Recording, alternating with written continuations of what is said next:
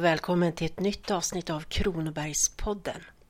Den här gången handlar det om Växjö fängelse som än idag tronar på sin höjd inom Ringsbergsområdet även om det idag är renoverat och omgjort till fashionabla bostadsrättslägenheter.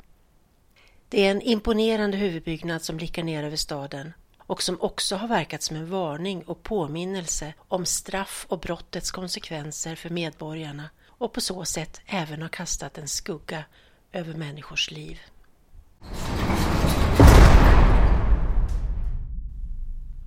Ah, guck mal, da ist das Rathaus, hörde jag en gång en tysk turist utropa till sitt sällskap när hon nerifrån centrum blickade upp längs Bäckgatan mot fängelset.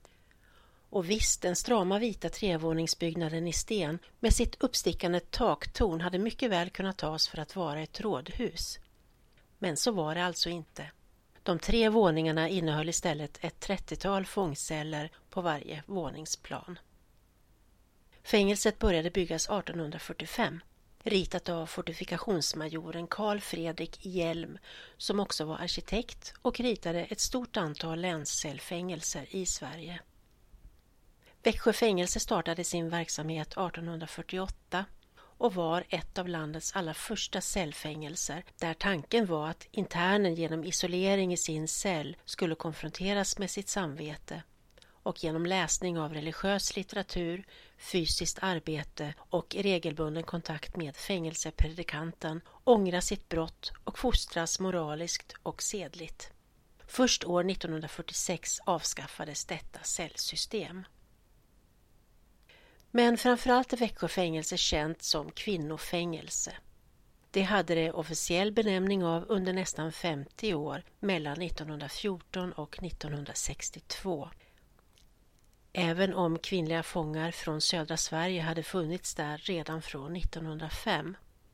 Tidigare hade kvinnliga fångar förvarats vid kvinnofängelserna på Norrmalm i Stockholm, i Norrköping och i Göteborg, men behov fanns för ytterligare ett fängelse. Och då föll lotten på Växjö. På 1930-talet var det Sveriges enda centralfängelse för kvinnor. Under hela perioden då kvinnofängelset bedrev sin verksamhet fanns samtidigt en avdelning för manliga interner.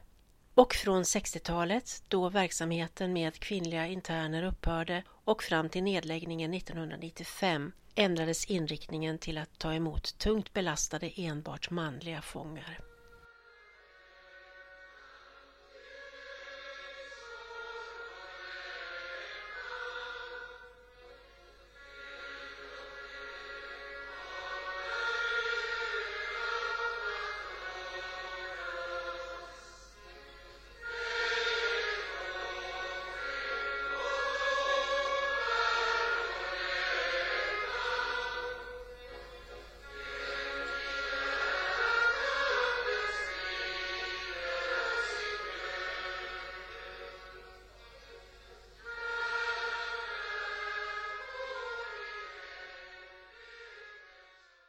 Vilka brott satt kvinnorna inne för?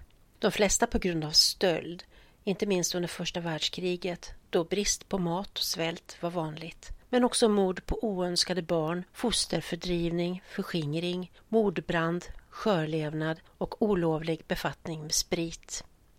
De yngsta kvinnorna var 16-17 år och den äldsta som avtjänade sitt straff var en kvinna i 80-årsåldern som kallades Rika svärmor. Under det första året var fångarna absolut isolerade från varandra. Och under de två första fängelsemånaderna fick man inte heller ta emot besök, läsa böcker eller korrespondera via brev. Därefter fick man låna en bok i veckan från fängelsebiblioteket. Man läste till exempel Nils Holgersson, reseskildringar och verk av Elin Wägner. Det fanns två olika kategorier av fångar, fängelsefångar och straffarbetsfångar. Fängelsefången hade rätt att bära egna kläder, möblera sin cell med egna möbler och beställa särskild mat. Hon kunde också skaffa sig eget arbete och behålla förtjänsten hon gjorde. Medan straffarbetsfången inte fick köpa eller ta emot något, måste bära fängelsets blårandiga kläder och bo i en spartansk cell med bara säng, bord och stol. Vid förflyttning till fängelsets kyrka, skola, tandklinik eller ute på promenad måste dock samtliga bära en mask. En grå huva med hål för ögonen som inte fick tas av förrän man befann sig i sitt bås. Inte heller efternamnen på internerna sades högt. Allt för att visa diskretion och anonymitet om sin vistelse inom fängelsemurarna och för att inte livet skulle bli försvårat utanför murarna när man en dag blev fri. Beroende på vilket brott man begått tillhörde man olika fångklass. Det fanns fyra olika sådana och ifall man fick lättnad i straffet kunde man till exempel få arbeta i gemensam arbetssal tillsammans med andra, ha lampan tänd till klockan 21 på kvällen, ha fotografier av sina närmaste uppsatta på väggen i cellen, spela krocket i trädgården, ta emot besök i besöksrummet eller skriva brev som visserligen undergick censur. Både 1920 och 30-talen präglades av en humanare syn på fångvård. Större vikt lades nu vid att se till människan bakom brottet istället för att fokusera på själva bestraffningen. Fängelsemiljön gjordes mer levande och de intagna erbjöds rekreation, tillfälle till studier och individuell behandling. Det blev viktigt att hos internen återupprätta tron på det goda och på hennes egna möjligheter. Läkaren Rut Grubb blev landets första kvinnliga fängelsedirektör när hon 1938 utnämndes till tillförordnad sådan vid Växjö fängelse. Och två år därefter blev hon ordinarie fängelsedirektör. Hon var en stark Växjöprofil och tongivande i både det politiska livet och i den pågående debatten kring kvinnosaksfrågor och sexualundervisning.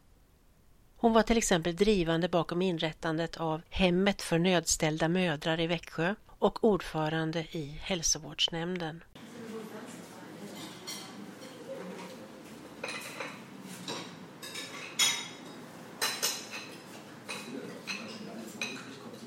Fängelset fungerade som ett litet samhälle i sig. En typisk dag för en kvinnlig intagen under till exempel 1930-talet var väckning klockan sex på morgonen, städning av cellen och därefter började arbetet klockan sju i form av sömnad. Kvinnorna sydde linnekläder för olika inrättningar runt om i Sverige eller stickade strumpor på stickmaskiner. Halv åtta var det dags för frukost och då serverades havremjölsvälling och en bit bröd. En halvtimmes promenad i varsin tårtbit ute på fängelsegården ingick också under förmiddagen. Framför öppningen i varje rastsektion kunde kvinnorna se ut över en anlagd blomsterrabatt. Och i ett hörn av fängelsegården fanns en stor buske med en stol bredvid och där kunde de internerade mödrarna sitta med sina bebisar. Mödrar fick vistas utomhus längre än andra. Ett 90-tal barn föddes under kvinnofängelsets historia, dels i fängelset självt, men från 1930-talet på Växjö lasarett. Klockan ett var det lunch. Det serverades ärtor och fläsk, fruktsoppor, korv, ibland grönsaker, färsk fisk en gång i veckan. Därefter återvände man till arbetet ifall man inte ägnade sig åt studier ledda av en särskild lärarinna. Alla under 35 år var skolpliktiga. Skolsalen var specialbyggd med ett bås för varje elev så att eleverna bara kunde se lärarinnan men inte varandra. Studieämnen var bland annat svenska, engelska, historia, matematik, hälsolära, sånglektioner, skolköks och trädgårdskunskap. I det sistnämnda ämnet undervisade en särskilt utbildad trädgårdslärarinna. På söndagarna var det gudstjänst i fängelsekapellet och på söndagar fick man också eftermiddagskaffe och varannan vecka var det aftonunderhållning i kyrkan i form av film, föreläsning eller liknande. En känd Alvesta-poet som verkade som fritidsledare där var Birger Fransén. Han ordnade artistbesök, teaterföreställningar och studiecirklar för de kvinnliga internerna men la också ner mycket tid på stödjande enskilda samtal med dem. Mycket har hänt innanför väggarna på den imposanta och respektingivande byggnaden på kullen ovanför Växjö centrum. Under nästan 150 år var det fängelse med olika inriktning under olika faser och en påtvingad och ofrivillig vistelseort för ett stort antal både män och kvinnor. Samtidigt tecknar dess verksamhet hela den svenska fångvårdens historia. Det har varit gripande att ta del av Växjöfängelsets historia och all den aktivitet och de öden som har rymts bakom de stängda murarna.